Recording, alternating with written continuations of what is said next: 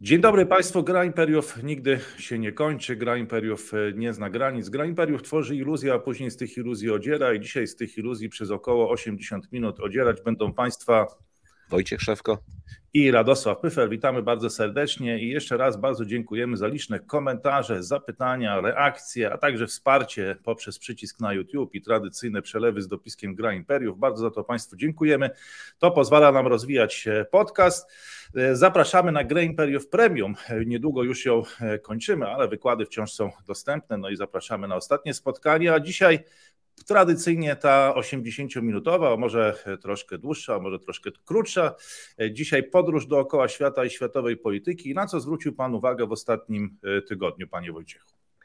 no to na pewno musimy opowiedzieć coś o tej e, wyprawie na Moskwę grupy rosyjskich powstańców, e, która pojechała i wróciła sobie bezpiecznie e, do przystani, no ale już pierwszy krok został zrobiony z tych tam 700 kilometrów, jakieś 4 czy 5 przejechali, prawda? Także następnym razem pewnie dojdą do 10.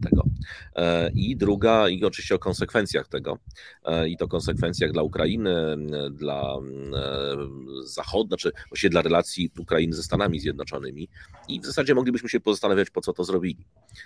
Druga sprawa to jest na pewno ta wizyta Miszustina e, w Chinach, bo moim zdaniem ona tam jest, była mocno niespójna komunikacyjnie ze strony chińskiej. Raz mówiono, że to jest coś nieważnego, potem zaczęto mówić, że to jest coś bardzo ważnego w jednym Global Timesie, prawda, jeden po drugim te edytoriale, prawda, te, te wypowiedzi ekspertów jednego dnia mówią o tym, że taka rutynowa wizyta um, urzędników, później następnego dnia to już jest wielka wizyta, wielka przyjaźń, kolejny tam poziom współpracy. Ciekawe, coś się wokół tej wizyty działo więcej niż to, co oglądaliśmy w mediach, więc wydaje mi się, że warto się pochylić też nad, nad tą kwestią, tym bardziej, że to jest jednak, jakby nie było, uniwersalny sposób e, na obchodzenie sankcji przez Rosję. Prawda? To jest kolejny przykład na to, że Rosja rzeczywiście tymi swoimi wszystkimi zabiegami dyplomatycznymi, lepszymi bądź gorszymi, ale na pewno stara się łagodzić skutki sankcji dla siebie i jak na razie, przynajmniej w relacjach z Chinami, im się to udaje po prostu. No właśnie, mamy nowo kształtujące się łańcuchy e, dostaw i tutaj rzeczywiście wizyta Miszustina w Szanghaju i w Chinach. E, także destabilizacja, czy próba destabilizacji tego pasa granicznego e, Ukraina-Rosja, tego wcześniej można powiedzieć nie grali w grze imperiów. To na pewno tematy warte przedyskutowania, a ja właściwie chciałbym zaproponować tematy, które niejako wpisują się w tą dyskusję, bo to jest zakończony szczyt Azja Centralna, Chiny gdzie e, Chiny przedstawiły taki ośmiopunktowy e, plan dla krajów Azji Centralnej, ale już po zakończeniu tego spotkania co chwila pojawiają się jakieś nowe inicjatywy, czy to kolejowe, czy transportowe, a więc kolej łącząca Kirgistan, Uzbekistan z Kazachstanem i dalej tym korytarzem transkaspijskim, no także oczywiście on może jechać przez Rosję, Białoruś, Polskę do, e, do Niemiec.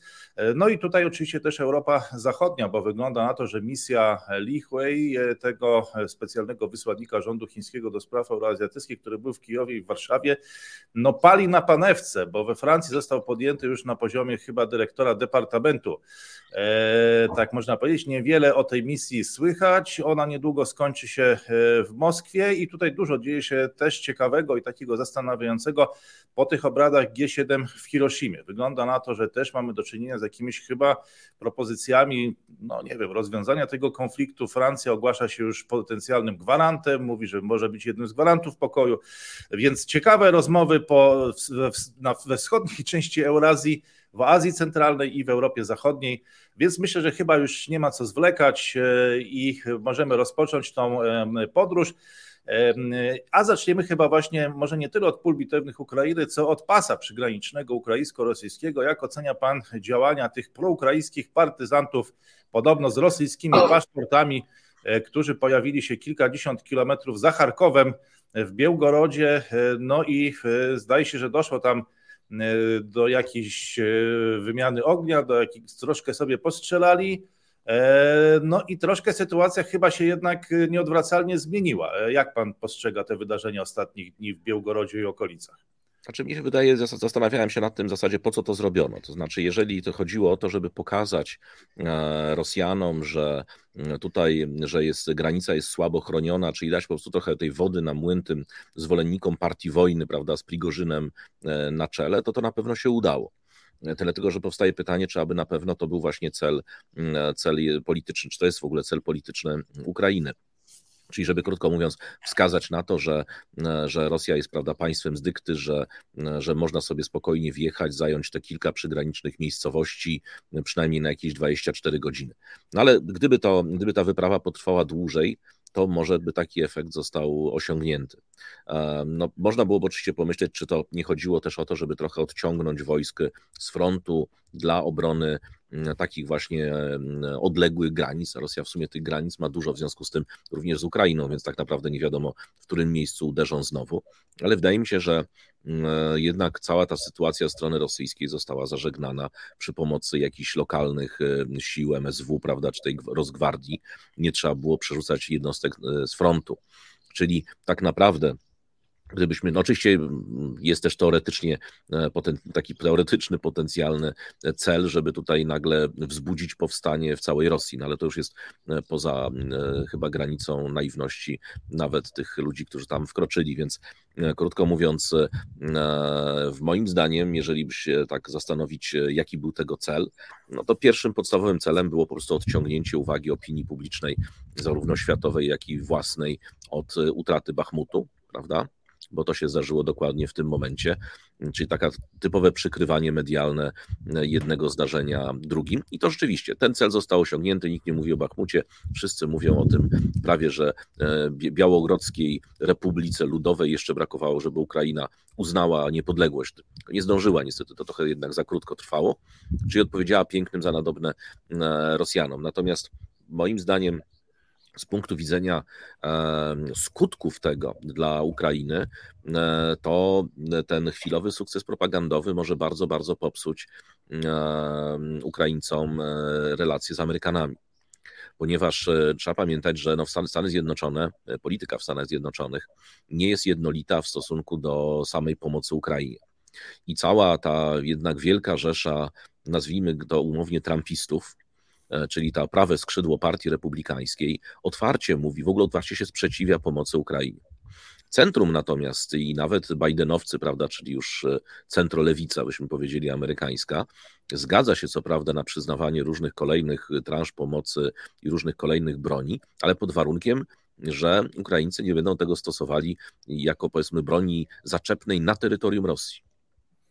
I to jest pewien problem, bo jeżeli, e, znaczy nie wiadomo właśnie dlaczego zrobiono to tak, że wysłano ten legion, e, ten, ten legion rosyjski, wysłano e, do Rosji, zamiast posadzić go na klasycznym poradzieckim sprzęcie, który mają obie strony, to chyba celowo posadzono to na amerykańskich wozach pancernych, i to takich jednoznacznie identyfikowalnych. Co więcej, tam jeden, zdaje mi się, Rosjanie jeszcze zdobyli na dodatek. Więc jeżeli chciano dać argument stronie przeciwnej pomocy Ukrainie, prawda, że nie dajemy, bo nie wiadomo, co oni z tą bronią zrobią, no to właśnie ten argument został właśnie dostarczony. Ale, ale panie Wojciechu, czytałem oświadczenia strony ukraińskiej, w tym między innymi wypowiedzi doradcy prezydenta Zełenskiego Michała Podoliaka i on mówi, że Ukraina nie ma z tym nic wspólnego, że to po prostu zbuntowali się Rosjanie, Ukraina w tym nie bierze udziału, ale obserwuje i przygląda się z zainteresowaniem, być może właśnie e, no jacyś e, właśnie takie po prostu przeciwnicy Władimira Putina e, tam się po prostu znaleźli w tym tak, pasie. Ja też, ja też to czytałem i prawdę powiedziawszy chyba mm, Podoliak, bo to on zdaje się wypowiadał się na ten temat, mm, próbuje zapełnić lukę, którą mamy na rynku po tym, kiedy przestały wychodzić odcinki Monty Pythona, tak? To teraz on będzie pretendował do miana. Trochę do miana... Ramzan Kadyrow ostatnio się wycofał z aktywności na Telegramie. Tak, właśnie, i... właśnie jest, jest, jest nisza, no, jest nisza na podcastach. Ale nie zawodzi Miedwiediew i Łukaszenko, chyba mimo gorszego Tak jest, natomiast no, Podoliak w tym momencie rzucił wyzwanie, tak? No jeżeli, jeżeli chcemy, jeżeli mamy ze strony rosyjskiej e, muzykantów, mamy komediantów, to on zdaje się chyba też chciał wystąpić w tym samym. Znaczy to była parodia z jego strony, przecież to jest parodia słów Putina, prawda? Takie mundury można kupić w każdym sklepie z mundurami, prawda? Więc on powiedział, że takie transportery na każdym, każdym markecie e, zbrojeniowym, no ale to jest oczywiście... O, o czołgach natomiast, chyba wspomniał, tak? Że natomiast no, z jednej strony mamy ten aspekt humorystyczny jak najbardziej, ale z drugiej strony mamy jednak poważny, ponieważ tam w Stanach Zjednoczonych się jednak jakieś kręgi wzbudziły i to takie wokół pentagonowe, które stwierdziły, że tam będzie śledztwo, będą się domagali wyjaśnień, e, dlaczego ta broń amerykańska znalazła się właśnie w rękach jakichś jeszcze rosyjskich najemników na Oni to przekazywali e, armii ukraińskiej. Znaczy, to jest o tyle poważna sprawa, bo w Stanach Zjednoczonych e, mają jednak uczulenie politycy na to, co się dzieje dalej z amerykańską bronią. Zresztą nawet każdy, kto kupował amerykańską broń, wie o tym, czy ja mówię o tych o państwach, które kupowały amerykańską broń, wiedzą, że nawet. Czy można ją dostać w każdym sklepie, tak jak to powiedział Michał Podojlak? Nie no, można kupić, za, zapłacić można w każdym sklepie, ale żeby to dostać, to jest już dosyć skomplikowana procedura i Amerykanie również potrafią nawet warunkować, e, tak jak na przykład w relacjach z Pakistanem, w jakich konkretnie sytuacjach na przykład tam F-16 mogą być używane. I to jest tak, że w czasie na przykład wojny, e, tej takiej krótkiej, e, właściwie jeszcze nie wojny, konfliktu 2019 roku, było regularne śledztwo, czy Pakistan wykorzystywał agresywnie nad terytorium Indii F-16, bo to się mogło skończyć na przykład zakazem, embargiem na dostawy części i tak dalej. W związku z tym tutaj Amerykanie obawiają się, e, że ta broń, którą dostarczają, ona tam sobie może zacząć jeździć w niewiadomych kierunkach. No akurat tutaj e, to, że to byli niepodlegli Rosjanie, którzy sami z siebie, nie wiem, kupili sobie tę broń albo podprowadzili z magazynów, to nikt nie wierzy. No, to już znaczy, gdyby Amerykanie zaczęli w coś takiego wierzyć, no to wygrywaliby pewnie konkursy na najbardziej naiwny naród świata. E, Amerykanie tacy nie są, już szczególnie nie w kwestiach właśnie broni, oni bardzo to kontrolują. Zresztą ja chciałem przypomnieć, że e, sama kwestia właśnie tej pomocy dla Ukrainy, ona była kontestowana przez republikanów, abstrahując od kwestii politycznych, e, z, tak, był taki bardzo poważny, merytoryczny argument żeby tam stworzyć taki specjalny urząd takiego inspektora, tak jak był w Afganistanie, do badania, w jaki sposób ta pomoc jest wykorzystywana. Czy ona po prostu nie jest tak jak w Afganistanie czy w Iraku wcześniej, po prostu marnotrawiona, czy ta broń nie trafia na jakiś handel po prostu, czyli nie jest odsprzedawana w części dalej przez jakieś mafie i tym podobne. I takie były argumenty w Stanach. Oczywiście ja bym tego nie dramatyzował, to się nic wielkiego nie stało, bo to, są, to jest e, parę wozów pancernych, ale już widać, że to wzbudziło jakieś negatywne emocje e, u Amerykanów, a im bliżej będzie kampanii wyborczej, tym możemy spodziewać się tego, że takich e, dyskusji, takich negatywnych emocji może być po prostu więcej. Więc dlaczego akurat tak to Ukraińcy rozegrali? Prawdę powiedziawszy, nie mam zielonego pojęcia. No właśnie tutaj pojawiają się e, ciekawe pytanie, czy jakby to pytanie prowokuje do kolejnych ciekawych pytań, przede wszystkim czy to już koniec e, tego typu akcji, czy będą kolejne, e, bo właśnie czy nie wydaje się panu, że Ukraińcy próbowali w ten sposób rozpocząć jakiś sezon na dywersję, znaczy raz, że troszkę odebrać pewność Rosji w tych e, działaniach, troszkę przerzucić, być chyba się można powiedzieć, że po raz pierwszy e, tą piłeczkę na kort Federacji Rosyjskiej, bo do tej pory ta cała rozgrywka toczy się według takiego schematu, że Ukraina próbuje tą, wygrać tą wojnę cały czas jakby będąc na własnej połowie. No. I teraz tak może, no oczywiście tutaj nie mamy dowodów, Michajlo Podolak twierdzi, że to po prostu są przeciwnicy reżimu Władimira Putina, którzy no, walczą z jego rządem, a Ukraina się temu zainteresowała zainteresowaniem przygląda, ale być może Ukraińcy liczą na to, że do podobnych wystąpień dojdzie na e, Krymie i być może, że uruchomi się jakiś efekt domina. No przynajmniej chyba na razie nie wygląda na to, żeby tak się e, stało, chociaż zwrócił Pan uwagę na pewne rozbieżności jednak e, wśród rosyjskich elit władzy. Ja tu szczególnie zwróciłem uwagę na tą wypowiedź Jewgenija Prigorzyna, który już od wielu miesięcy krytykuje kierownictwo Federacji Rosyjskiej, ale teraz on już nawet posunął się do stwierdzenia, że najlepsze najlepszą armią na świata, e, najlepszą armią świata są Wagnerowcy. E, nie wiem, czy to ci, którzy są wysyłani z rosyjskich więzień i tam słabo wyszkoleni słabo uzbrojeni, e, no jednak ponoszą ogromne straty, ale w każdym razie grupa Wagnera jest number one, ale no na drugim miejscu to chyba w tym momencie są, są Ukraińcy, jego zdaniem, którzy są świetnie uzbrojeni, wyszkoleni, zaprawieni w boju i tak dalej. I gdyby żył Stalin, to nigdy by do tego nie dopuścił, no ale skoro jest Putin, no to jakoś musimy sobie z tym radzić, więc tutaj wygląda na to, że jakby Ukraińcom częściowo e, te, roz, te rozbieżności e, udało się że tak powiem, uwypuklić, chociaż one no, są już widoczne, powiedzmy, że od wielu, e, od wielu miesięcy. No i pytanie, czy, e, czy, tutaj, e, czy tutaj dojdzie do jakichś wystąpień w innych częściach Rosji, bo zdaje się, że mamy jakieś ruchy ludów tubylczych, że tutaj nawet zaczyna się realizować ten scenariusz, o którym mam wrażenie marzy duża część opinii publicznej w Polsce, że Rosja ma się rozpaść na kawałki pod wpływem jakiejś presji no, tych narodów Federacji Rosyjskiej. Być może to chcieli uzyskać Ukraińcy. No i nikt tutaj właściwie nikogo za rękę nie złapał, bo Wydaje mi się, że tutaj mówił Pan o Stanach Zjednoczonych, gdzie będą chyba najważniejsze wybory. Myślę, że oprócz obok tych tajwańskich też w 2024 roku, bo one też będą bardzo ważne w, w innej części z kolei Eurazji, e, no to jeżeli patrzymy też z perspektywy Chin, to tutaj no niby tym warunkiem było nienaruszalność e, integralności terytorialnej, która w przypadku Ukrainy została jednak naruszona. Pytanie jest, w jaki sposób Chiny starały się wyegzekwować E, nienaruszalność tej, e, tej e, suwerenności terytorialnej, a teraz, no jeżeli ktoś by tutaj udowodnił, czy znalazł jakieś dowody, że ci anty, pro, proukraińscy partyzanci walczący z Władimirem Putinem jednak mają jakieś związki z państwem ukraińskim, to ten argument o nienaruszalności suwerenności no, terytorialnej już by odpadał. Już nie, no daj, dajmy spokój, no przecież, przecież to jest tak, że nawet jeżeli, już gdybyśmy to abstrahowali od tego konkretnego konfliktu, jeżeli z jakiegoś terytorium państwa na przykład z terytorium Polski, załóżmy, wjeżdża grupa zbrojna, dajmy na to atakując, niech będzie Słowację, tak, hipotetycznie, to w tym momencie Polska tak czy inaczej w świetle prawa międzynarodowego jest agresorem.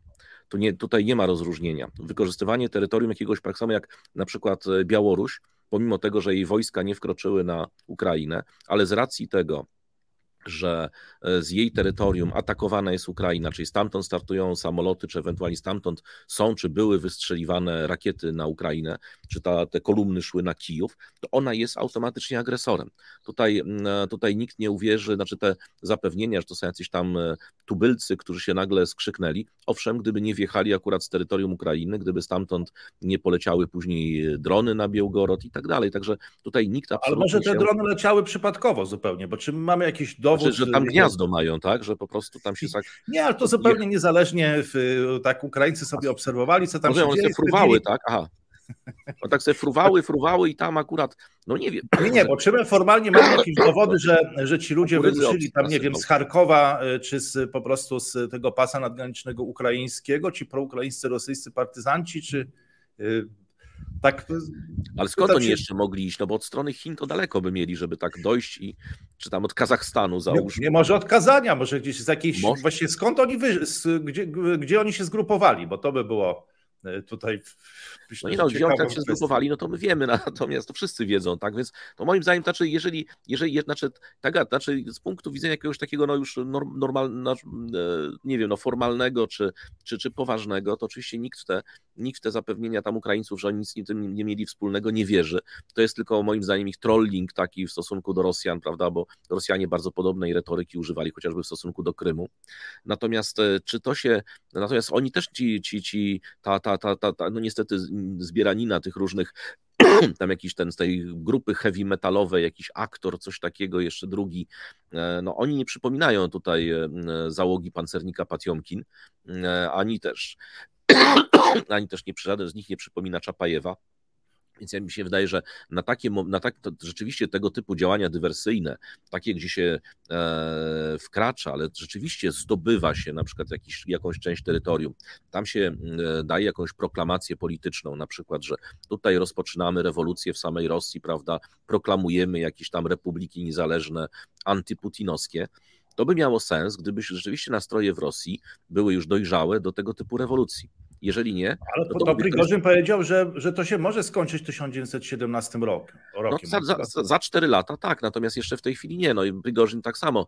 E, to, że on reklamuje w ten sposób Wagnera, bo e, to przecież on tutaj opowiada o tym, jak to oni ofiarnie ginęli, 20 tysięcy zginęło za Bachmut, a różni e, dyktatorzy Mm, czy też przedstawiciele nieliberalnych demokracji w Afryce, prawda, już wypisują książeczki czekowe. No. Przecież to jest, w ten sposób zdobywają kontrakty, którymi sobie te wszystkie straty mm, e, materialne, no bo ludzkie ich nie interesują, no, odbiją bez żadnego problemu w Afryce, prawda, czy gdzie tam kto ich będzie chciał wynająć. No więc to przecież przypomnijmy, że tak samo, jeżeli już mówimy o takiej retoryce, to ja pamiętam, że, że ten, e, nie wiem jak się w tej chwili już ta firma nazywa, kiedyś Blackwater, później Academy, e, kiedy był konflikt w Afganistanie, to przecież tam była też, znaczy w bardzo podobnym tonie jak Prigorzyn, ten właśnie lider Akademii się wypowiadał, że wystarczy mu tam ileś miliardów plus wolna ręka i on w ciągu czterech miesięcy czy pięciu miesięcy oczywiście zdobędzie cały Afganistan, zlikwiduje cały Taliban.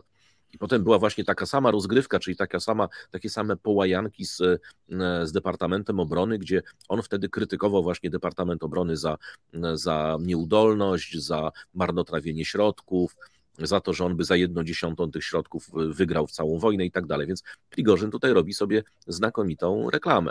Ale ja bym wrócił jednak do samej kwestii tego właśnie legionu. Moim zdaniem jedyny skutek, który został odniesiony, no to właśnie taki, że mówimy o tym, a nie o Bachmucie. Znaczy to bardzo dobrze, bo to jest w sumie, to pokazuje, że ta propaganda ukraińska no nie straciła werwy, tak, i cały czas jest, jest dosyć sprawna. Natomiast z punktu widzenia jakiejś rzeczywistej, e, rzeczywistej, e, rzeczywistych, od, rzeczywistego oddziaływania, to rzeczywiście to by zadziałało, gdybyśmy mieli do czynienia z permanentnymi takimi wkroczeniami, czyli w różnych punktach mm, e, grupy nawet 100 czy 200 osobowe, wkraczające gdzieś tam na tej Charkowszczyźnie, głównie e, do Rosji, zdobywające coś, czyli nie uciekające po 24 czy 48 godzinach, tak żeby to zaczęło, żeby to doprowadziło, no przede wszystkim do takiego, bo to jest, przepraszam, jeszcze tylko taka dygresja, no to jest z teorii rewolucji, prawda? Anarchiści zawsze twierdzili, to jest właśnie ta, ta, ta dewiza anarchistyczna. Zawsze mówili o tym, że tak naprawdę no, ludzi jest więcej niż wojska czy policji w danym państwie. W związku z tym musimy wykazać słabość państwa, więc dlatego atakowali na przykład szefów policji, prokuratorów, e, sędziów, jakichś tam e, dowódców okręgów wojskowych, w zależności od tego, w którym kraju działali, po to, żeby pokazać ludziom, proszę bardzo, państwo jest słabe, nie jest w stanie zapewnić bezpieczeństwa nawet sobie, w związku z tym nie powinniście się obawiać, wyjdźcie na ulicę, zróbcie rewolucję, prawda? I to jest ten sposób myślenia właśnie, czyli czyli taka dywersja, która ma podważyć zaufanie obywateli do państwa. Ja czytałem dzisiaj amerykańskich analityków, którzy mówią, że to na dwoje babka wróżyła, bo to równie dobrze może zadziałać w Rosji, że właśnie ludzie się zbiegną do sztandaru, tak, że zobaczą, że to zagrożenie, które do tej pory e, widzieli w telewizji jako prawda, no, serial e, i nie odczuwali jeszcze jednak jego skutków, nagle zaczyna być realne, bo nagle wróg, faszyści, prawda, zaczynają atakować na naszym własnym terytorium. Może się okazać, że tam się rzeczywiście zacznie zaciąg ochotniczy. Zamiast, zamiast walki z Putinem, to zaczną poważniej walczyć z, z, z Ukraińcami. Więc mówię, że ta skutki tego, te, tego rajdu, e, pomimo tego, że wojskowo to są żadne, natomiast e, politycznie mogą być e, bardzo dalekosiężne wbrew pozorom.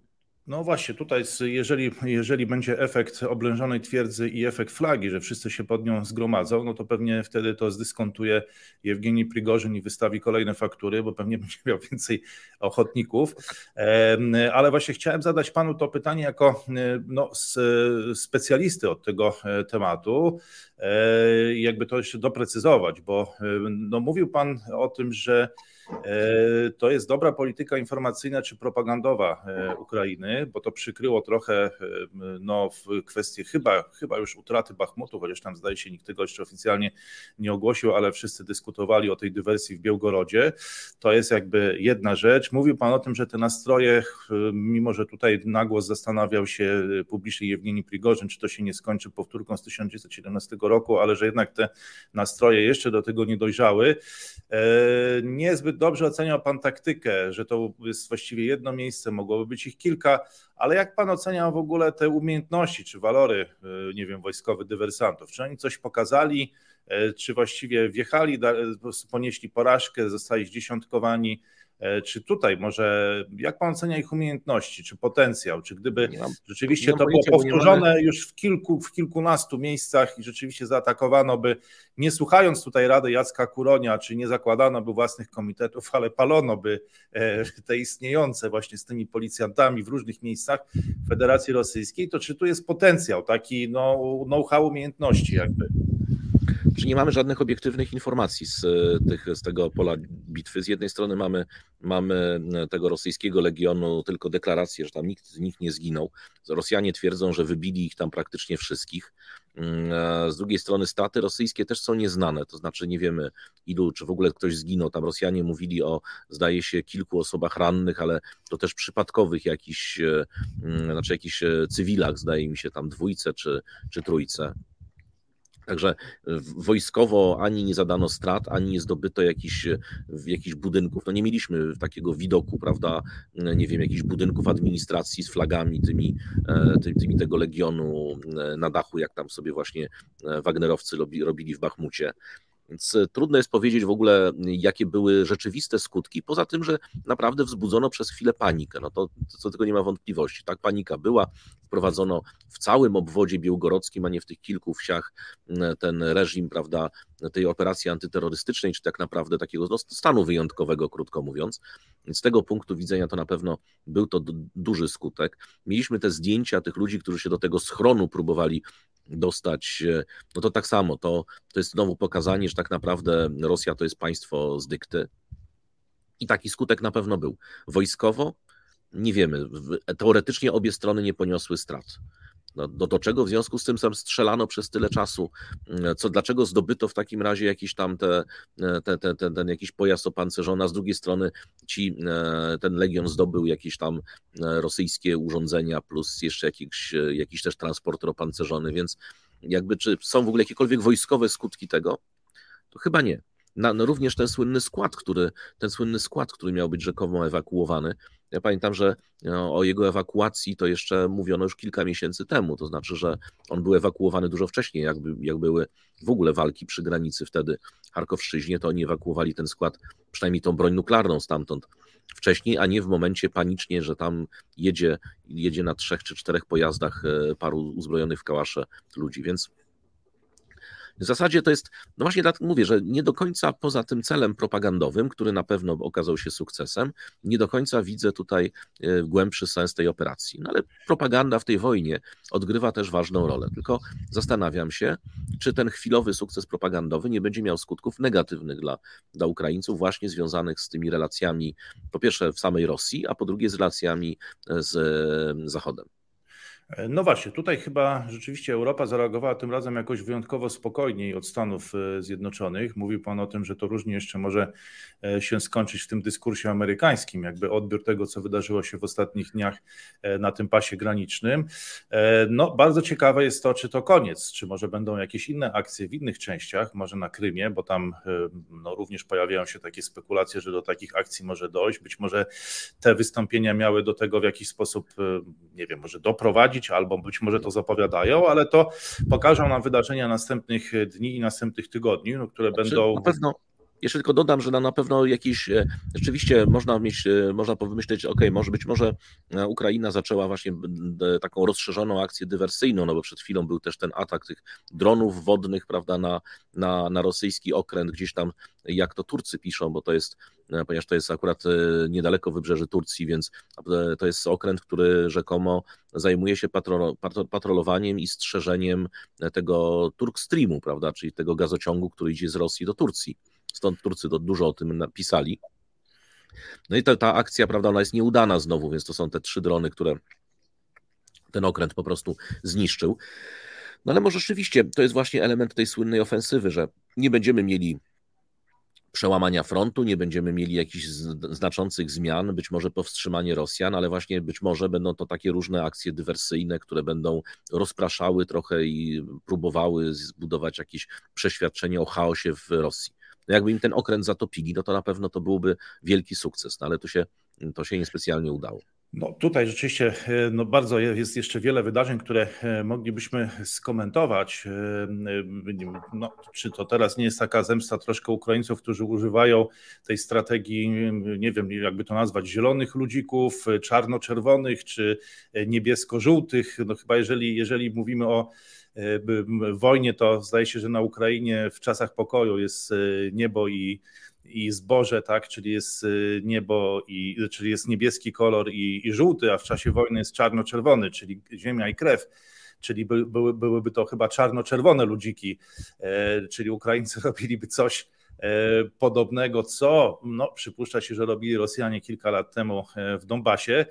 E, ciekawe rzeczy tutaj się udają, rzeczy wydawałoby się niemożliwe, że Finlandia, która balansowała gdzieś, no powiedzmy od 200 lat tej, między tą strefą wpływów rosyjskich, a gdzieś tam zachodem, teraz jest w NATO, być może za chwilę będzie Szwecja i chyba ostatnio ukraińska cerkiew prawosławna ogłosiła, że przechodzi na kalendarz no nie do końca zachodni y, kalendarz liturgiczny, ale święta będą takie same, przynajmniej Boże Narodzenie zdaje się y, do grudniowe. Gregoriańskiego, tak? Tak, tak, ale, ale z kolei Wielkanoc w tym kalendarzu cerkwi ukraińskiej pozostaje niezmienna, więc będzie to troszkę pewna komplikacja. To już no, nie będzie to zachodni kalendarz liturgiczny, ale już nie będzie ten prawosławny, no, rosyjski czy rusiński, nie wiem jak to nazwać już w tym momencie, więc tutaj no, wielka chyba cywilizacyjna zmiana, no to już tysiąc lat mniej więcej to trwało, ja wiem, że to nie jest XI wiek i czasy schizmy kościoła wschodniego i zachodniego, ale coś tutaj się rzeczywiście bardzo, bardzo jednak zmienia w tle tych pól bitewnych i tych różnych akcji dywersyjnych i, i tych działań wojennych. Ale y, jeśli pan pozwoli, to teraz dokonałbym takiego przeskoku i odeszlibyśmy od tych pól bitewnych i tych działań dywersyjnych świat dyplomacji i e, może takie właśnie mniej spektakularne e, właśnie akcje, czy roz, bo zazwyczaj rozmowy dyplomatyczne czy negocjacje no tak widowiskowe nie są, chociaż tutaj jest wiele ciekawych rzeczy, bo mówił Pan o Prigorzynie, no, który tutaj wyrasta na jedną z największych gwiazd PR-owych tej wojny i ten cały jego biznes, no, w, który mieli właściwie tych wszystkich no, mieszkańców y, zakładów karnych, którzy są przesuwani na ten, na ten front. E, a potem być może to dyskontuje sobie w Afryce, a tak się składa, że teraz w Afryce znalazł się Dmytro Kuleba i on namawia wszystkie państwa afrykańskie do tego, że przestały być w tym konflikcie e, neutralne. Zobaczymy z jakim skutkiem, więc być może tutaj rozbłyska gwiazda Jewgenija Prigorzyna, który liczy się w tej rozgrywce w Rosji, a jednocześnie będzie rozwijał biznes w Afryce, oferując swoje usługi w różnych państwach, ale popsuć to mu w wielu wymiarach być może tutaj będzie próbował Dmytro e, Kuleba, ale to pokazuje też, że Ukraina idzie globalnie globalnie e, w swojej dyplomacji, bo widzieliśmy G7 i ten samolot francuski, który przewiózł Wołodymira Zełęskiego e, najpierw na spotkanie Ligi Państw Arabskich, to już do tego nie będziemy wracać. Tam było, wydaje mi się, że kilka, może to zechce Pan skomentować, bo tam było kilka chyba niezręcznych wypowiedzi Wołodymira Zełęskiego, który miałem wrażenie, że w pewnym momencie chyba wręcz nakrzyczał e, na liderów tych państw arabskich, że oni E, nie, nie zachowują się dobrze e, w czasie tej wojny czy tego konfliktu. No ale później było, e, później było G7, które przybrało taką rozszerzoną, bardziej inkluzywną formułę. To trzeba przyznać, że udało się Japończykom jako gospodarzom tego spotkania, co z kolei nie spodobało się w Pekinie, bo tam japoński ambasador został wezwany do wyjaśnień, dlaczego to G7 upłynęło w takiej atmosferze. Natomiast no, wracając do tej rozgrywki dyplomatycznej, E, bo w, w, z jednej strony akcje dywersyjne Ukraińców w tym pasie przygranicznym, ale nie zapomnieliśmy jeszcze o specjalnym wysłanniku rządu chińskiego do spraw euroazjatyckich Li Hui, który pojawił się niedawno w Kijowie. Tam spotkał się z Dmytro Kulebą, który teraz już jest w Afryce i to nie było zbyt udane spotkanie, bo po prostu Ukraińcy powtórzyli to, co mówią od y, samego początku właściwie, Chińczycy właściwie też powtórzyli to samo, co mówią od samego początku. E, no i Ukraińcy powiedzieli, że pokój wchodzi w grę, ale nie ma mowy o żadnym zamrożeniu e, tego konfliktu na takim etapie, na jakim on jest, a pokój jest możliwy tylko wtedy, jak odzyskamy Krym, Donbas i wszystkie te tereny, które utraciliśmy nie tyle w 2022, co w ogóle w 2014 roku. Później Li Hui znalazł się w Warszawie, gdzie spotkał się z wiceministrem Wojciechem Gerwelem i właściwie Polacy, czy my powtórzyliśmy, nasz MSZ powtórzył mniej więcej to samo, E, co e, Ukraińcy, ale potem e, licho jakby zapadł się pod ziemię niemalże, bo niewiele można było przeczytać w mediach w ogóle, gdzie jest i jak idą te rozmowy. We Francji został podjęty na poziomie dyrektora departamentu i Francuzi właściwie wygląda na to, znaczy oczywiście formalnie wyrazili ogromne zainteresowanie tym planem pokojowym, ale język dyplomacji jakby wskazywał na coś wręcz przeciwnego. Jeśli połączymy to z tym, co stało się e, w G7, na, na G7, e, to wygląda na to, że zaczyna kształtować się być może jakiś plan e, pokojowy. Przy udziale NATO, G7 właśnie, mamy ten szczyt NATO, który odbędzie się w lipcu. No my w Polsce będziemy pewnie zajęci jakimiś symbolicznymi wydarzeniami, może rozliczaniem Wołynia po 500 dniach wojny. Wygląda na to, że to jest kwestia, która teraz jest podnoszona, co ciekawe, nawet przez polityków i publicystów partii rządzącej. E, to jest może pewnego rodzaju niespodzianka, ale być może my się zajmiemy tymi sprawami, a już w czasie tego 500 dnia wojny Ukraina ogłasza jakiś własny plan e, pokojowy i być może Francuzi, no, podejmując jednak tego ważnego przedstawiciela rządu chińskiego do spraw azjatyckich na poziomie dyrektora departamentu, no, dają wyraźnie do zrozumienia, że oni już e, z tym planem pokojowym chińskim nie wiążą jakichś wielkich nadziei, chociaż tutaj Emmanuel Macron jeszcze kilka tygodni temu wysyłał inne sygnały. No, mówił, że to jest bardzo e, pożyteczne, że się nad tym na pewno pochylą, ale wygląda na to, że gdzieś tam kształtuje się jakaś nowa wizja, właśnie G7, wizja G7, NATO, E, Ukrainy. Zobaczymy, jaki będzie tutaj ruch e, Niemiec, które we wspólnym oświadczeniu Olafa Scholza i Wołodymyra Zełenskiego ogłosiły się już jako to humanitarne mocarstwo, które ponosiło największe koszty i wspierało e, w największym stopniu Ukrainę to mniej więcej chyba eliminuje nas z tej roli, w której sami siebie e, widzieliśmy jako właśnie to mocarstwo humanitarne, które się najbardziej e, poświęciło. Wygląda na to, że już na tym etapie tutaj e, Niemcy wrzuciły piąty bieg i spokojnie nas wyprzedzają w tym wyścigu. No i teraz właśnie zobaczymy, jak to się wszystko ułoży, bo wygląda na to, że w zachodniej Eurazji, czy to jak mówią w, w Chinach na Półwyspie Europejskim, zaczyna się już krystalizować jakaś wizja nowego ładu, a jednak tam i Francja tutaj zgłasza już y, y, no, y, akces do tego, e, do tego nowego wariantu. Mówi, że może być gwarantem e, tych rozwiązań pokojowych i, i myślę, że, że podobnie będzie to w przypadku w przypadku, w przypadku Niemiec. E, no i, w, w, i teraz ciekawe w tym kontekście są wydarzenia również we wschodniej Eurazji, a szczególnie ta wizyta e, premiera rosyjskiego w Chinach, gdzie podjęto pracę nad no właśnie, minimalizowaniem tych skutków sankcji, którymi objęta jest Federacja Rosyjska. Po 400, ponad 50 dniach, no możemy powiedzieć, że te sankcje odnoszą takie no, umiarkowane e, skutki. No i jak pan właśnie ocenia tą sytuację i w Europie, i, i, i to, co dzieje się teraz w Chinach, gdzie no, trwają te gospodarcze czy handlowe rozmowy e, chińsko-rosyjskie? Ale mam jeszcze wrócić do tego Zeleńskiego w Lidze Arabskiej, bo pan się też o to pytał, czy już nie? E, no nie, no dobra, to jest tak. To właśnie szkoda, że mi pan nie przerwał. To trzeba było mi przerywać. Okay. No dobrze, za, za, za, no ciekawie mnie właśnie, jak pan to postrzega i to, czy tutaj Załęski trochę nie, przes, nie przesadził, przesadził, bo jednak wyszedł na tą, już Ukraińcy wyraźnie wychodzą poza ten świat e, europejski, no Kueba w Afryce, Liga Państw Arabskich i tam chyba troszkę takie odniosłem wrażenie, kilka niezręcznych wypowiedzi Zełenskiego, ale jestem ciekaw, jak pan to e, widzi. Ja mogę powiedzieć tylko o jednym komentarzu, który w zasadzie e, no z jakiegoś powodu w tym, e, tym, w tym tej deklaracji z Judy, prawda, tej deklaracji, czyli tym, tym, tej konkluzji szczytu Ligi Państw Arabskich, a to był bardzo ważny szczyt, no nie znalazło się żadne nawet odniesienie do tego, co mówił Zełenski. Natomiast no, komentarz arabski był bardzo prosty. W jaki sposób, jak to może być, że Zełenski z jednej strony domaga się od nas potępienia aneksji, agresji, mm, a już właśnie szczególnie tych aneksji, uznania ich za nielegalnych, a słowem się nie zająknął o aneksjach izraelskich.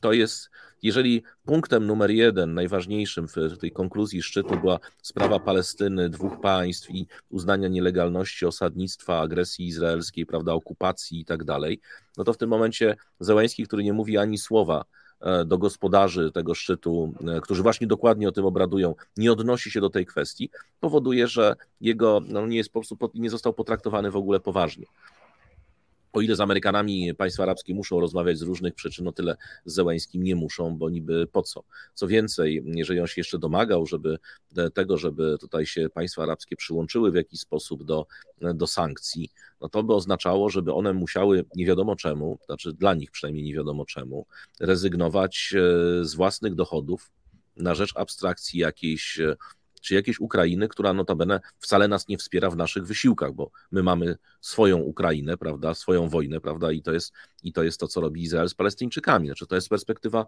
e, arabska i zresztą ona znalazła się właśnie na najdłuższy punkt, najbardziej rozbudowany i pierwszy, to jest właśnie sprawa palestyńska, więc to jest w ogóle byłoby przestrzelone.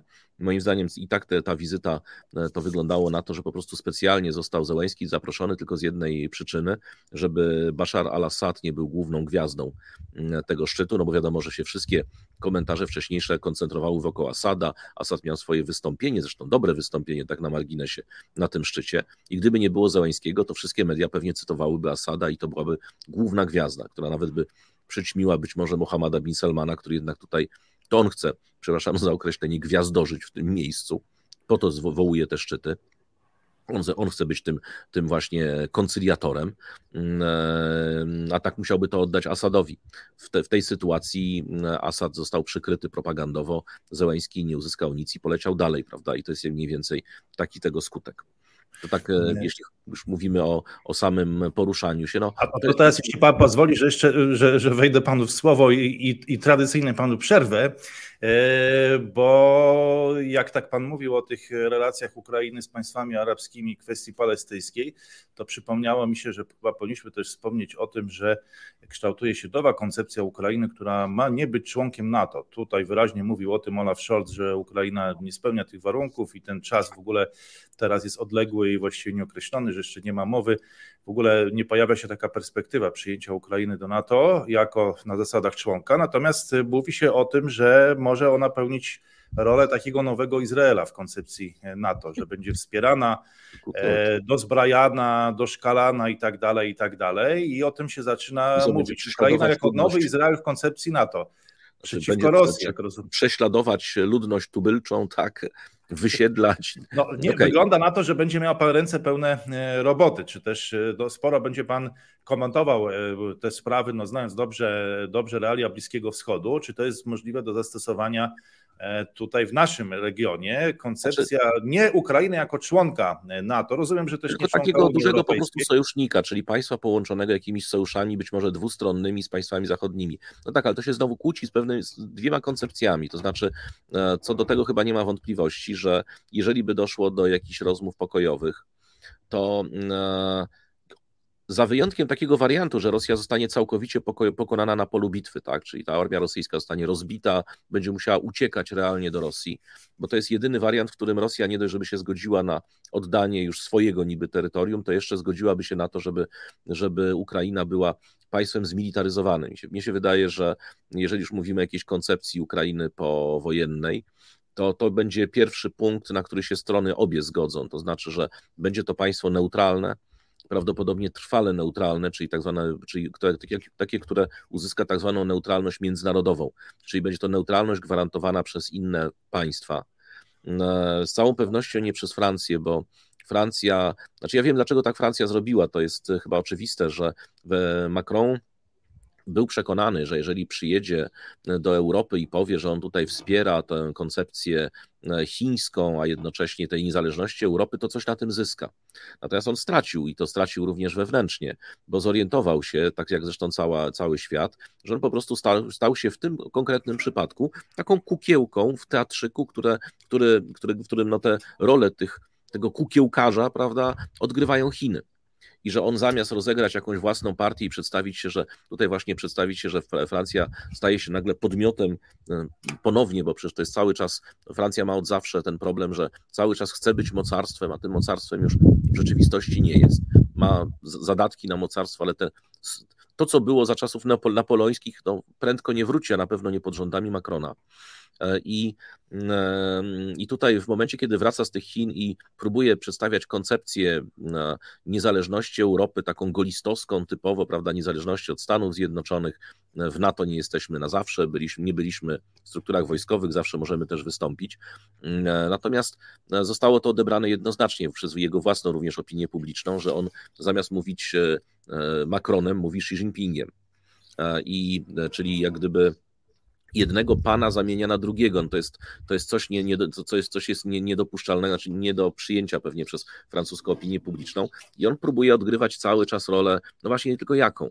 Już nie może być mediatorem, ponieważ wspiera jedną ze stron, no wysyła tam broń, w związku z tym jego zdolność do mediacji jakiejkolwiek czy bycia gwarantem jest żadna. To jeżeli już o tym mówimy, to z tego punktu widzenia prędzej e, pasują Chiny, czy Indie na przykład, czy inne państwa, które jednak nie zaopatrują w broń żadnej strony konfliktu niż Francja. E, a muszą to być strony, z drugiej strony państwa dostatecznie silne, żeby być w stanie, jeżeli jest się gwarantem, co znaczy gwarant? Gwarantem to znaczy, że jeżeli Rosja napadnie na tą neutralną Ukrainę, to Francja wypowie wojnę Rosji. To to to jest, to no, oznacza gwarant porozumienia. No właśnie, tutaj Próbuję bardzo ciekawe sobie wyobrazić i jakoś mi się, znaczy Francja zbuduje własną tak, no, tak? Kilka, kilka, e, kilka rozgrywek. Pierwszy to jest ten kontest, e, ten, te, ta rywalizacja o to, kto tym mediatorem będzie. Ogłaszają się, czy próbują się ogłaszać nim Chiny, ale także Turcja, Brazylia, e, więc chętnych na mediatorów jest bardzo wiele. Nie wiem, czy Węgry, jeszcze takich chyba deklaracji nie słyszałem, ale chyba też czasami mam wrażenie, że miałyby ambicje takim krajem rozjemczym być. No pytanie jest, na ile to jest możliwe. Więc najpierw wszyscy ogłaszają się, znaczy jest część państw, która ogłasza się jako mediatorzy, ale też widzę, że zaczynają, e, zaczyna również, rozpoczyna się również konkurs na gwarantów i e, poszczególne państwa ogłaszają się jako gwaranci. Ja tak czasami przyglądając się dyskusji, czy właśnie to jest pytanie, które dostałem, e, które mnie zdziwiło osobiście, czy Polska nie mogłaby być takim gwarantem, bo okazuje się, że to jest gdzieś koncepcja w polskiej infosferze czy publicystyce internetowej funkcjonuje, że Polska mogłaby być gwarantem, tylko obawiam się, że e, chyba nawet nie będziemy startować w tym konkursie, ale Francja już rzeczywiście zgłosiła akces jako pierwsza. I rzeczywiście trochę mam takie wrażenie, że państwa te zachodnioeuropejskie ustawiają się w takiej pozycji no, negocjacyjnej, na zasadzie, że wybierzemy tę opcję, która dla nas jest najlepsza i Francja jakby nagle dokonała tego zwrotu, podstawiła ten samolot, to było rzeczywiście takie wizerunkowo e, bardzo mocne, po czym, się, po czym zgłosiła właśnie akces do tego konkursu na gwaranta. To pytanie jest takie, czy tego rodzaju konkursy się wygrywa, czy miejsce przy stole negocjacyjnym się zajmuje tylko dlatego, że się mówi, że tym gwarantem się będzie, e, no to pokażą myślę, że wydarzenia najbliższych, e, może nie dni, ale, ale tygodni. Ten, no właśnie, ten szczyt NATO lipcowy tutaj może wiele pokazać to zobaczmy, jeżeli mamy porozumienie tego typu, to gwarant musi być, musi być e, akceptowany przez obie strony konfliktu. Powstaje pytanie, czy Rosja za, e, zaakceptuje jako gwaranta. Oni uważają, że toczą w tej chwili wojnę z NATO, co nie jest e, odległe od rzeczywistości. No może nie oficjalnie z NATO, ale NATO oficjalnie wspiera Ukrainę. W związku z tym nie, nie może, nie, nie ma tutaj żadnej, żadnego elementu neutralności w tym wszystkim. W związku z tym to, to już eliminuje taką Francję. Już nie mówiąc o tym, że przecież jakby nie było, co prawda nie, było to, nie było to twarde prawo międzynarodowe, to była tylko deklaracja, ale jednak już gwarantem no Francja już była raz, prawda? No w Mińsku Wtedy, dwa, kiedy tak. Ukraina pozbywała się broni nuklearnej. No i co dalej, tak? I, a, mm. później, a później szukano argumentów, dlaczego tak naprawdę gwarantami nie jesteśmy, bo to nie jest wcale prawo międzynarodowe. To była tylko deklaracja i Ukraińcy się na tą deklarację nabrali, tak? bo to już tak można powiedzieć. No cóż, zobaczymy, zobaczymy, co z tego e, wyjdzie, jaka koncepcja Ukrainy się e, wyłoni. Czy to będzie koncepcja państwa zmilitaryzowanego na wzór Izraela? Wtedy właściwie można byłoby powiedzieć, że Władimir Putin osiąga przeciwne cele do założonych, bo Finlandia jest w NATO, za chwilę być może będzie Szwecja, cerkiew ukraińska przechodzi na liturgiczny kalendarz e, zachodniego chrześcijaństwa, przynajmniej w dużej części, a za chwilę Ukraina zamiast zostać zdenazyfikowana, zdesatanizowana czy zdemilitaryzowana właśnie, no wręcz dzieje się coś przeciwnego, staje się e, Izraelem w koncepcji NATO, Albo jeżeli zrealizuje się e, no, ta koncepcja, o której Pan wspomniał, czyli Ukraina jako państwa neutralnego, to właściwie wtedy no, dosyć kłopotliwym stanie się pytanie, no po co e, było to 450 dni wojny tak naprawdę, skoro stanie się to znowu jakieś państwo no jakby to nazwać, tak jak nazwa sama wskazuje, gdzieś u kraja, gdzieś na kresach, e, gdzieś takie. Nie, nie. E, no, nie, czy pan inaczej to. Nie, nie, nie, nie. To takie państwo trwale neutralne, na przykład Szwajcaria, prawda? A, w tym to jest sensie, takie państwo, które może się zbroić i to może się zbroić w dowolny sposób, ale nie wchodzi, nie bierze udziału w żadnym konflikcie i nie wchodzi w, żaden, w żadną żaden układ zbiorowy, tak? Znaczy nie, nie podpisuje żadnego sojuszu wojskowego. To jest do tego stopnia, że przecież Szwajcaria nie chciała wstąpić do ONZ-u, ponieważ Organizacja Narodów Zjednoczonych może nakładać zbiorowe sankcje, czyli krótko mówiąc, może nakładać sankcje włącznie ze zbrojnymi a Szwajcaria twierdziła, że to się kłóci z jej doktryną właśnie tej neutralności, bo ta neutralność przecież była i w czasie I wojny światowej, i w czasie II wojny, ona była tam naruszana e, i tam nawet były koncepcje naruszenia tej neutralności przez aliantów i przez Niemców, natomiast e, Natomiast e, to jest właśnie koncepcja taka trwałej międzynarodowej neutralności, czyli wszystkie państwa zainteresowane, prawda, czyli Rosja, Stany Zjednoczone, NATO, no nie wiem, wszyscy ci, którzy będą interesariuszami tego układu, e, uznają, że jest to kraj neutralny, tak? Czyli ten on w zamian za to, że gwarancję nietykalności granic, rezygnuje z możliwości zawierania sojuszy. Ale to nie znaczy, że rezygnuje z możliwości zbrojenia. Przecież Szwajcaria jest całkiem fajnie uzbrojonym krajem. Zresztą no teraz... No też chyba całkiem nieźle e, wyszkolonym, ale to jest może pewna kwestia kultury militarnej, jaka jest w Szwajcarii, no ale ta kultura militarna chyba rzeczywiście na Ukrainie e, była no, zawsze na wysokim e, poziomie. Zobaczymy, jak w ogóle, czy w tej części świata można e, tego typu gwarancje wprowadzić w życie. Wprowadzić w życie to pewnie i można, ale jak je potem egzekwować. No jednak historia no Ukrainy pokazuje, że przez tysiąc lat no to właściwie okresy pokoju były tylko chwilowe i właściwie to, co obserwujemy, to jest w jakiś sposób no, stałym elementem czy czymś. Znaczy, znaczy no, Ukraina państwowości nie miała wtedy przez długi okres czasu, tak? Więc państwowość ukraińska, no to jest tak naprawdę od, rzeczywiście od czasów Związku Radzieckiego, prawda, jako republika niezależna i później, e, i później teraz, prawda. Tak, tak, no bardziej może mi nie chodziło o samo państwo ukraińskie, czy o, te, o to terytorium. O ten świat, o to terytorium, o ten region, tak, bo od czasów no, najazdów Chingishana powiedzmy, że, że E, że nie funkcjonowało tam żadne organizmy e, państwowe, tak? Natomiast no, e, no właśnie, ale zobaczymy, jak to będzie w XXI wieku i zobaczymy, no wiele zależy od tego, jakie będą tutaj koncepcje pokojowe, jakie będą konstelacje wokół tych koncepcji i duże znaczenie oczywiście może mieć ta już zapowiadana przez nas odbywająca się wizyta premiera Miszustina, premiera Federacji Rosyjskiej w Chinach, gdzie Federacja Rosyjska próbuje, jak rozumiem, rozluźnić ten uścisk, który z kolei starają się wprowadzać kraje zachodnie poprzez sankcje. No te sankcje działają z różnym e, skutkiem. Rosja zrobiła wyraźny krok w stronę świata pozaeuropejskiego. Być może stąd i teraz ta aktywna dyplomacja Ukraińców w Afryce i też na forum G7, gdzie doproszono kraje no, już spoza tego rozwiniętego zachodu, e, w tym Brazylię i Indię, które były też na tym G7.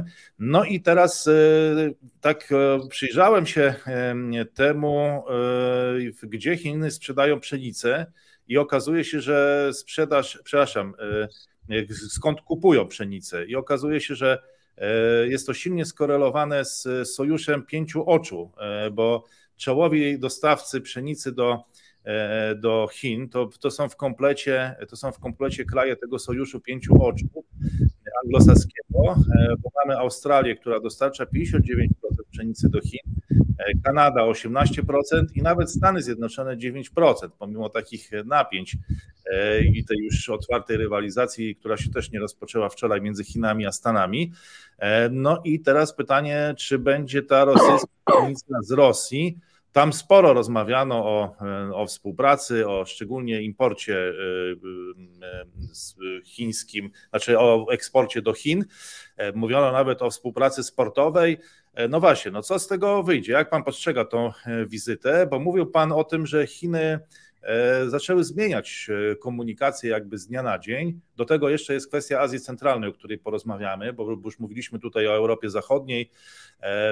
No ale czy to jest tylko taka wizyta gospodarcza, handlowa, że tam pokażcie co macie i tam tak, to kupimy, tutaj może kupimy trochę, to byśmy kupili, ale po jakichś tam zniżkach, a nad tym się jeszcze zastanowimy. Czy jednak jest to wizyta o większym znaczeniu niż tylko handlowo-gospodarczym? Chociaż gdyby to był tylko handel i gospodarka, to też jest to istotne w kontekście tej rozgrywki tutaj gospodarczej na świecie, jaką obserwujemy w cieniu tych sankcji i tej całej rozgrywki geopolitycznej na polach bitewnych Ukrainy.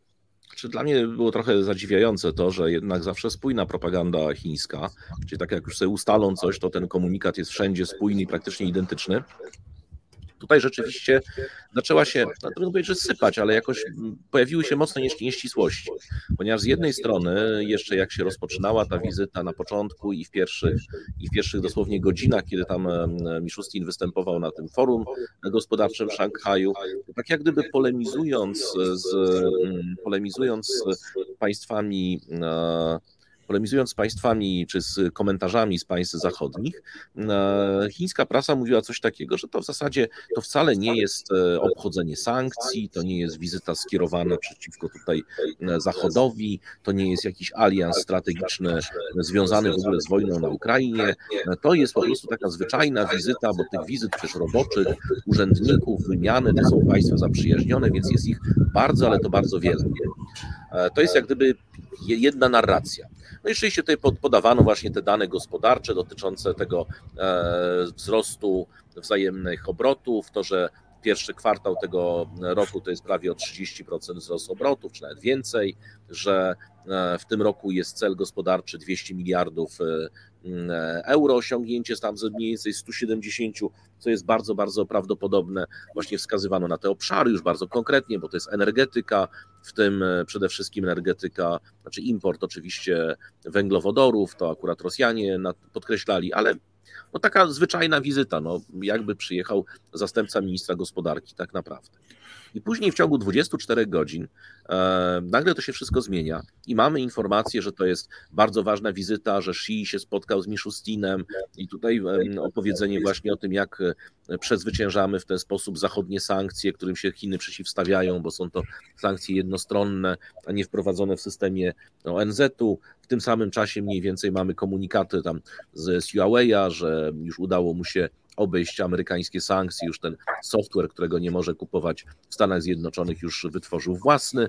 Także jakby mamy dwie koncepcje, czyli jednej strony koncepcja, że to jest taki dzień jak co dzień, bo codziennie, prawda, z jakimś krajem azjatyckim, w tym z Rosją, sobie rozmawiamy na tematy gospodarcze, a z drugiej strony nagle powiedzenie, że nie, to jest bardzo ważna wizyta, bo ona właśnie jest przeciwwagą do tego mm, amerykańskiego sposobu myślenia i będziemy dalej handlować, będziemy dalej, tak jak już to pan wielokrotnie mówił, podnosić na kolejny poziom e, relacje i tak dalej, i tak dalej.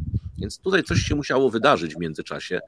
Być może po prostu stwierdzono, że ta pierwszy, ten, pierwszy, ten pierwszy wariant jest jednak trochę bezproduktywny i lepiej posłuży Chinom, powiedzmy, ten, ten drugi.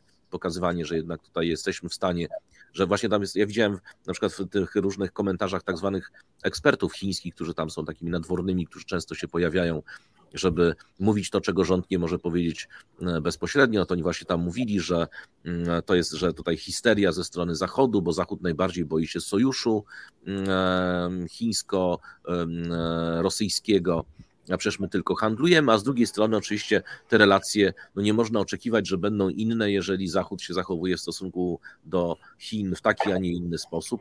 W naturalny sposób Rosja będzie poszukiwała partnerstwa z Chinami i vice versa. No, to jest więcej takie, to są te elementy propagandowe. Natomiast moim zdaniem w rzeczywistości to jest po prostu kolejny przykład na to, w jaki sposób jednak Rosja, ale Chiny również, że Chiny też są obłożone sankcjami, więc e, Rosja sobie po prostu łagodzi skutki sankcji dla siebie.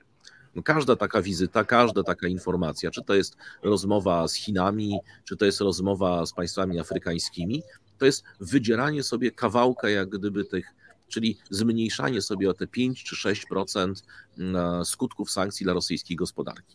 A wiemy, że no, tylko sankcje w tej chwili to jest jedyne, jedyna rzecz, która może mm, trwale zmniejszyć jak gdyby zdolności rosyjskie do prowadzenia wojny. W związku z tym nie możemy od tego abstrahować, tak? Nawet jeżeli to dotyczy soi, pszenicy, węgla czy czegokolwiek innego, prawda, niezwiązanego bezpośrednio z przemysłem e, militarnym. E, no właśnie, to jest e, rzeczywiście bardzo ciekawa kwestia, jakby i również wszystko to, co stało się w czasie i dzieje się w czasie tej dwudniowej wizyty premiera Miszustina w Chinach. Ja bym to podzielił na dwie części, rzeczywiście ten komponent gospodarczy i polityczny, bo jeżeli mówimy o tym komponencie politycznym, e, to właściwie chyba faktycznie jest to taki drugi moment, w którym e, Chiny zaczęły mieć problemy komunikacyjne. Wydaje mi się, że pierwszy moment to był zaraz bezpośrednio po agresji Federacji Rosyjskiej na Ukrainę, kiedy te komentarze były takie mało zrozumiałe. Właściwie kilka tygodni zajęło zrozumienie tego, co Chiny chcą osiągnąć, jaką zajmują pozycję i Chiny tutaj y, po prostu składały, jakby mam wrażenie, że y, te deklaracje były niejasne, te oświadczenia były niejasne i tak nikt do końca nie wiedział, jakie stanowisko Chiny zajmują. No niektórzy twierdzą, że były to komunikaty celowo e, mętne, ale te celowo mętne komunikaty, nawet gdyby były celowo mętne, no wywołały pewien e, chaos wtedy komunikacyjny i teraz mam wrażenie, że przytrafiło się E, coś podobnego, co jednak rzeczywiście chyba nie zmienia tego, że ta polityka Chin jest niezmienna. No i to jest e, albo przyglądanie się ze wzgórza e, i wykorzystywanie sytuacji, kiedy należy się do tego okazja, albo ujmując to bardziej dynamicznie, ten ruch węża, czyli lawirowanie między krajami Europy Zachodniej i Rosją, która nigdy nie zostanie całkowicie jednak porzucona czy pozostawiania samemu sobie. Czy tak jak pan powiedział, wyrywa te kawałki, e, jakby tutaj, no, no, czy łagodzi delikatnie za każdym razem te sankcje. No i Chiny zawsze coś tam podrzucą, ale przy okazji też jakiś interes na tym będą starali się, starali się e, zrobić.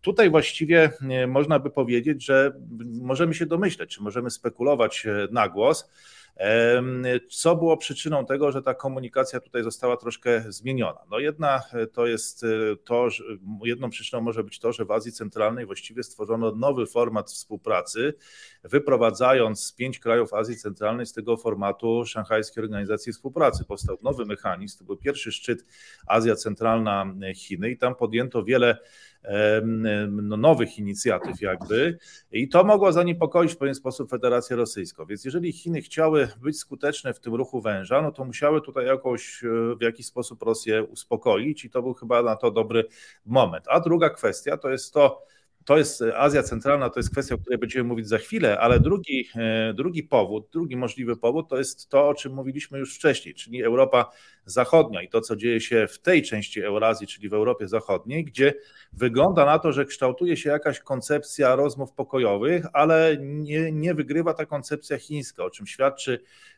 świadczą jednak e, no, te e, no, niezbyt duże sukcesy, tak? To określmy Lichweja, który gdzieś tam podróżuje teraz między stolicami europejskimi, a za chwilę będzie w Moskwie. E, i to może skłoniło również, czy przekonało Chiny do tego, że że jednak ten ruch węża należy teraz wykonać trochę w stronę Federacji Rosyjskiej. To tyle, jeśli chodzi o ten komponent polityczny. Może chciałby Pan coś dodać albo skomentować, zanim jeszcze powiem o gospodarce, bo tutaj jest kilka też ciekawych Nie, to w zasadzie, w zasadzie tylko jedno, jedyną rzecz, że e, Miszustin e, pozazdrościł nam gry imperiów e, i przysłów chińskich, w związku z tym on też skonkludował swoje wystąpienie, bo właśnie przywołał, to jest rzekomo jakiś fragment poematu średniowiecznego, powiedział właśnie, że chińskiego oczywiście, że jeżeli chcesz mieć lepsze widoki, to wdrap się na wyższe wzgórze, tak? Więc to taka była jego konkluzja. Ale możemy to od razu skontrować i powiedzieć, że jak jesteś wysoko e, na wzgórzu, to im, im jesteś wyżej, tym bardziej jesteś samotny. E, może widoki są piękne, ale, ale raczej, jeżeli ktoś nie lubi samotności, to raczej się wysoko e, wspinać nie powinien. No, nie wiem, czy jak to można przełożyć akurat na współczesną politykę, e, politykę mocarstw, te, te przysłowia, e, to powiedzmy, jesteśmy ciekawi Państwa e, komentarzy. Natomiast Na ładnie brzmią w wystąpieniach. Tak jest, tak jest.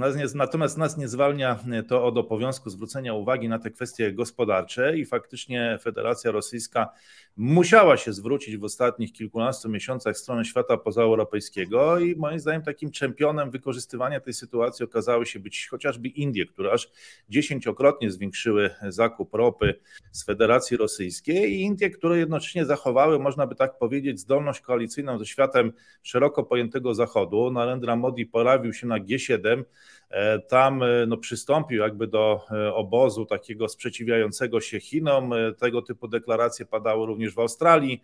E, gdzie e, zaraz potem Narendra Modi się pojawił jeszcze chyba z przystankiem, zdaje się, na Papuę Nową Gwineę, gdzie Amerykanie podpisali sojusz obronny, e, czy umowę obronną właściwie z, z tym krajem, wcześniej z Mikronezją, więc tutaj dzieje się sporo, sporo ciekawego i tutaj pewnego rodzaju zagadką jest właśnie kraj, w którym ostatnio był Narendra Modi, czyli Australia, która z jednej strony się zbroi i zakupuje te okręty, podkreślam okręty, a nie łodzie podwodne o napędzie atomowym, a z drugiej strony jednak zmierza w stronę e, Chin gospodarczo, bo chociażby te wyniki tej e, sprzedaży pszenicy, gdzie 59% e, chińskiego importu pszenicy to jest Australia, a nie Rosja, no to w jaki sposób właśnie ciekawe, jak Chińczycy będą grali tą gospodarką i tymi zakupami, czy tymi przepływami właśnie towarów, czy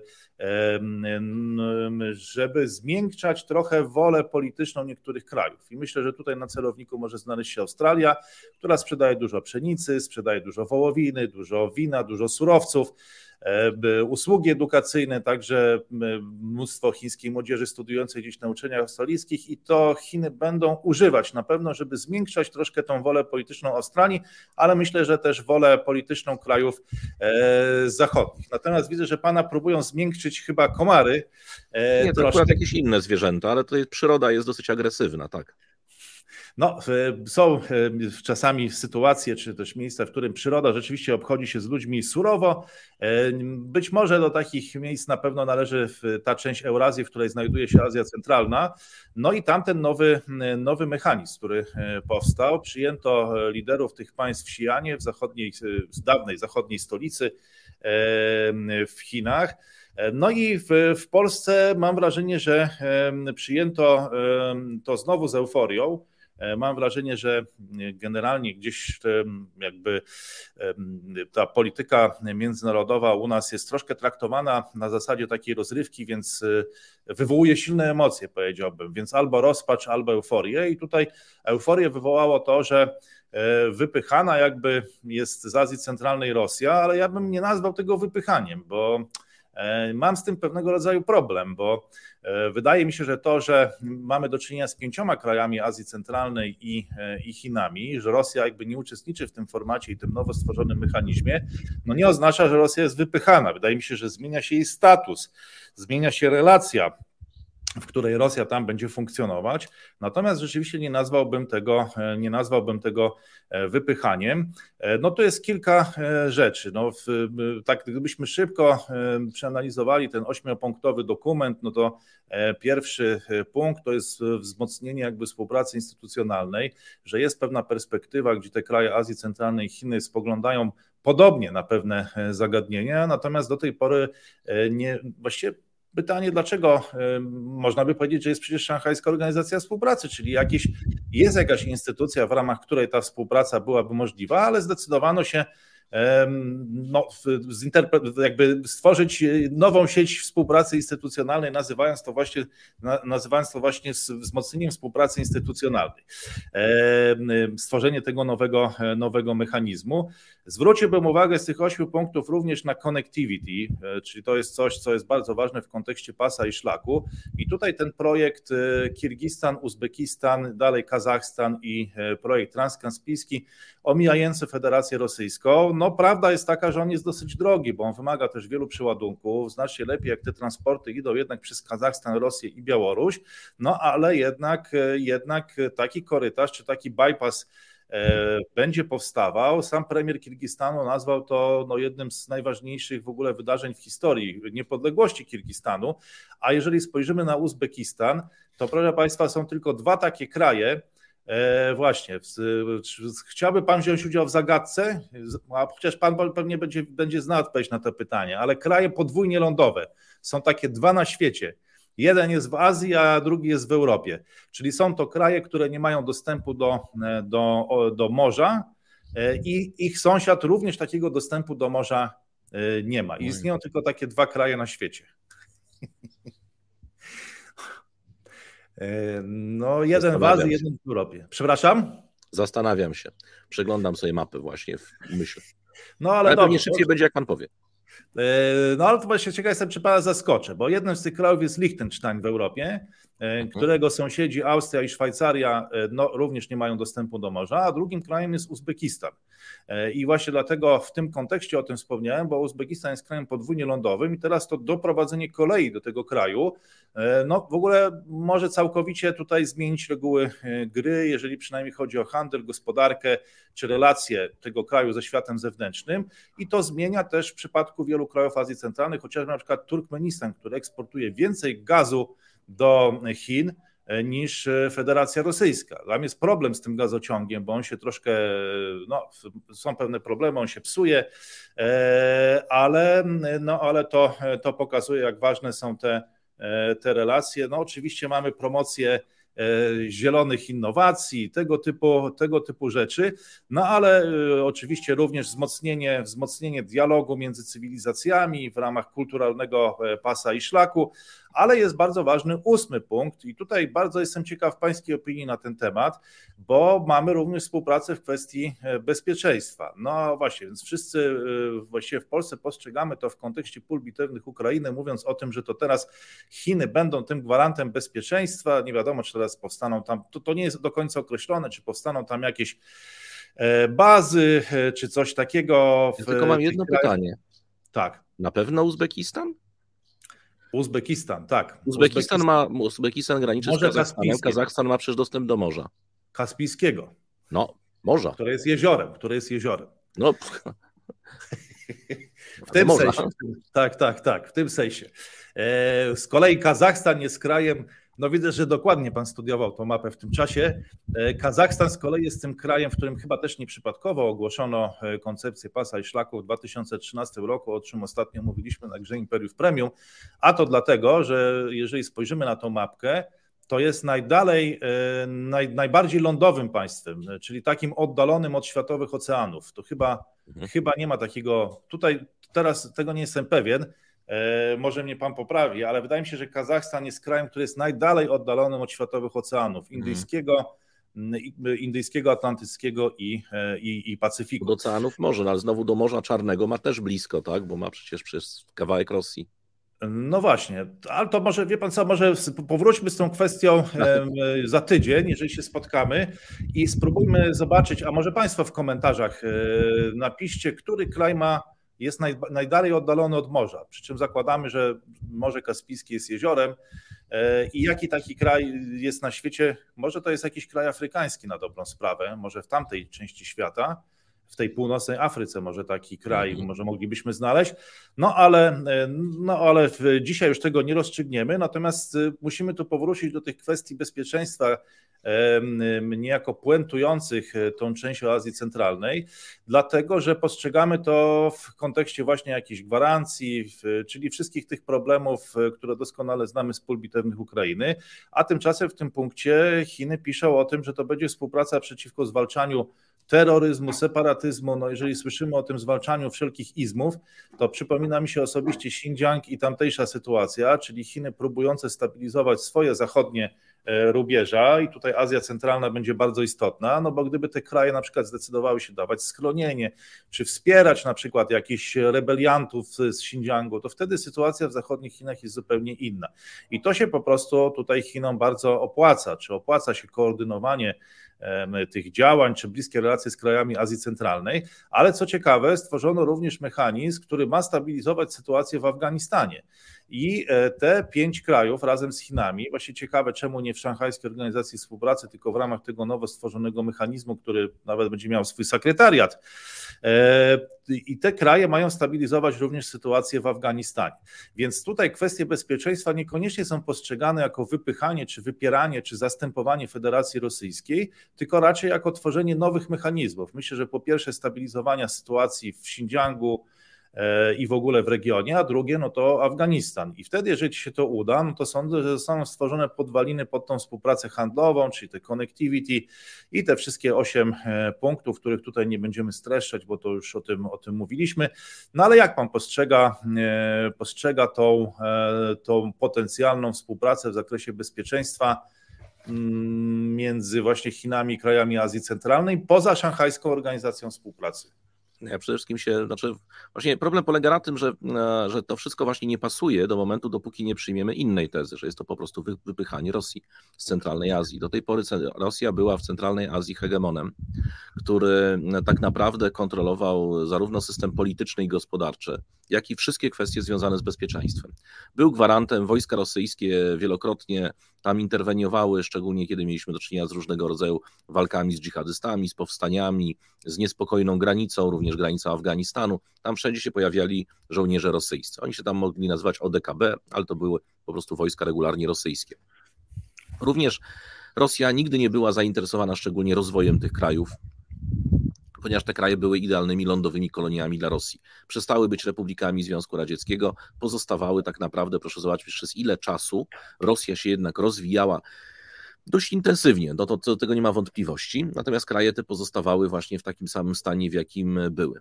E, natomiast e, to, co zrobili Chińczycy, moim zdaniem, dlatego właśnie nie zaprosili Rosjan i nie wykorzystali e, Szanghajskiej Organizacji Współpracy, ba, stworzyli własne struktury, bo te struktury mają przecież ułatwić wydawanie chińskich pieniędzy.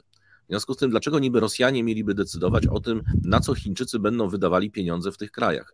Tam e, w każdym, z każdym z tych krajów zawarto po kilkadziesiąt umów bilateralnych. bardzo konkretnych, ponieważ relacje dwustronne między Chinami i tymi państwami są na różnym poziomie rozwoju, więc na przykład tam w Kazachstanie to był ruch bezwizowy wprowadzony. W innych krajach na przykład to była bardzo ważna dla handlu wzajemnego współpraca dotycząca norm, znaczy współpraca instytutów e, tych odpowiadających za normy państwowe, bo normami się blokuje, znaczy norma jest tak zwanym pozataryfowym środkiem ochrony rynku, prawda? Wystarczy wprowadzić własne normy i druga strona ich nie spełnia albo musi wydać dużo pieniędzy, żeby, żeby mm, jakieś normy lokalne spełniać, czy fitosanitarne, czy techniczne. Więc tam praktycznie w, każdej z tych, w każdym z tych pakietów były tego typu porozumienia. Tam były zresztą bardzo konkretne nawet inwestycje e, poruszane, czy zapowiedziane, czy już, czy już przeznaczone do, do finansowania przez Chińczyków. Tak jak mówię, no ja czytałem trzy, cztery takie, um, cztery pakiety takich umów. I one są rzeczywiście od różny stopień zaawansowania, ale tych gospodarczych i takich bardzo już praktycznych, gdzie to dotyczy konkretnych przedsiębiorstw, konkretnych budów, tam jakaś, jakieś zakłady uzdatniania wody, jakieś właśnie konkretne linie kolejowe i tak dalej. Po prostu Chińczycy doszli do wniosku, że oni rzucą wyzwanie Rosji, a właściwie inaczej.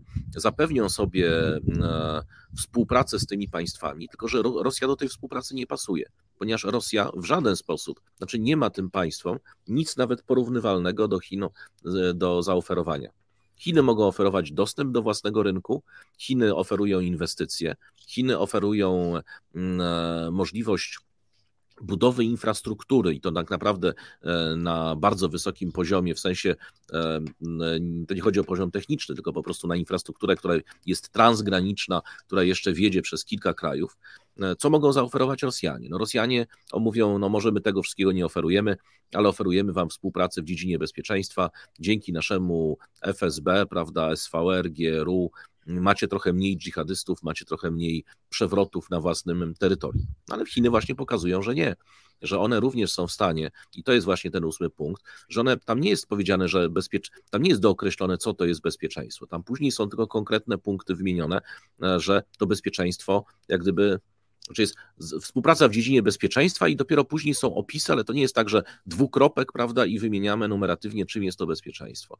I w ogóle samo pojawienie się punktu z bezpieczeństwem jest moim zdaniem ewenementem, bo Chińczycy zwykle do tej pory przyzwyczaili nas do tego, że zawierają różne umowy kulturalne, gospodarcze, e, jakieś inwestycyjne, jak już nie mają co, to jakaś współpracę z uniwersytetów. Natomiast w tym przypadku mamy już konkretną współpracę w dziedzinie bezpieczeństwa, czyli coś zupełnie e, moim zdaniem w tych relacjach nowego. A jeżeli chodzi o Xinjiang, to właśnie to jest dokładnie te punkty dotyczące zwalczania terroryzmu, to chodzi dokładnie o organizację. Znowu mnie przyroda próbuje zjeść intensywnie. Otóż e, to są, to są naprawdę jest wyjątkowo uparta w tej dziedzinie. E, to są wszystko mm, kwestie dotyczące ETIM i TIP, ponieważ ETIM i TIP ma bazę rekrutacyjną między innymi właśnie w Tadżykistanie, w Uzbekistanie i w Afganistanie. I się członkowie tej organizacji dość swobodnie między tymi państwami przemieszczają. E, notabene też jest zadziwiające, jak im się udało, na przykład udaje im się z Syrii dostać aż na granicę chińską, ale to jest jak zwykle pytanie do Turcji e, i jej, i jej roli w zwalczaniu terroryzmu i czy każdego terroryzmu, e, bo oni się dosyć swobodnie poruszają pomiędzy właśnie Syrią i aż granicą chińską.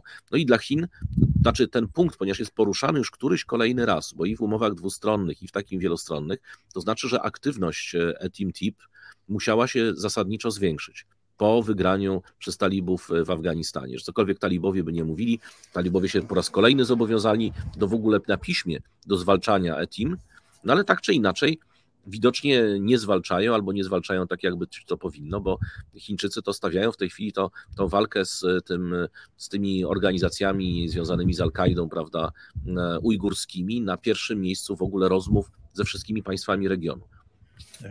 No właśnie, widzę, że, że zmaga się pan ze wściekłym atakiem e, komarów, więc. E, no nie komary, żeby to były komary. A, jeszcze, to jeszcze coś poważniejszego. No ale jeszcze może, e, chociaż pewnie nasi widzowie i słuchacze. Jeszcze nie łasice, ale tak.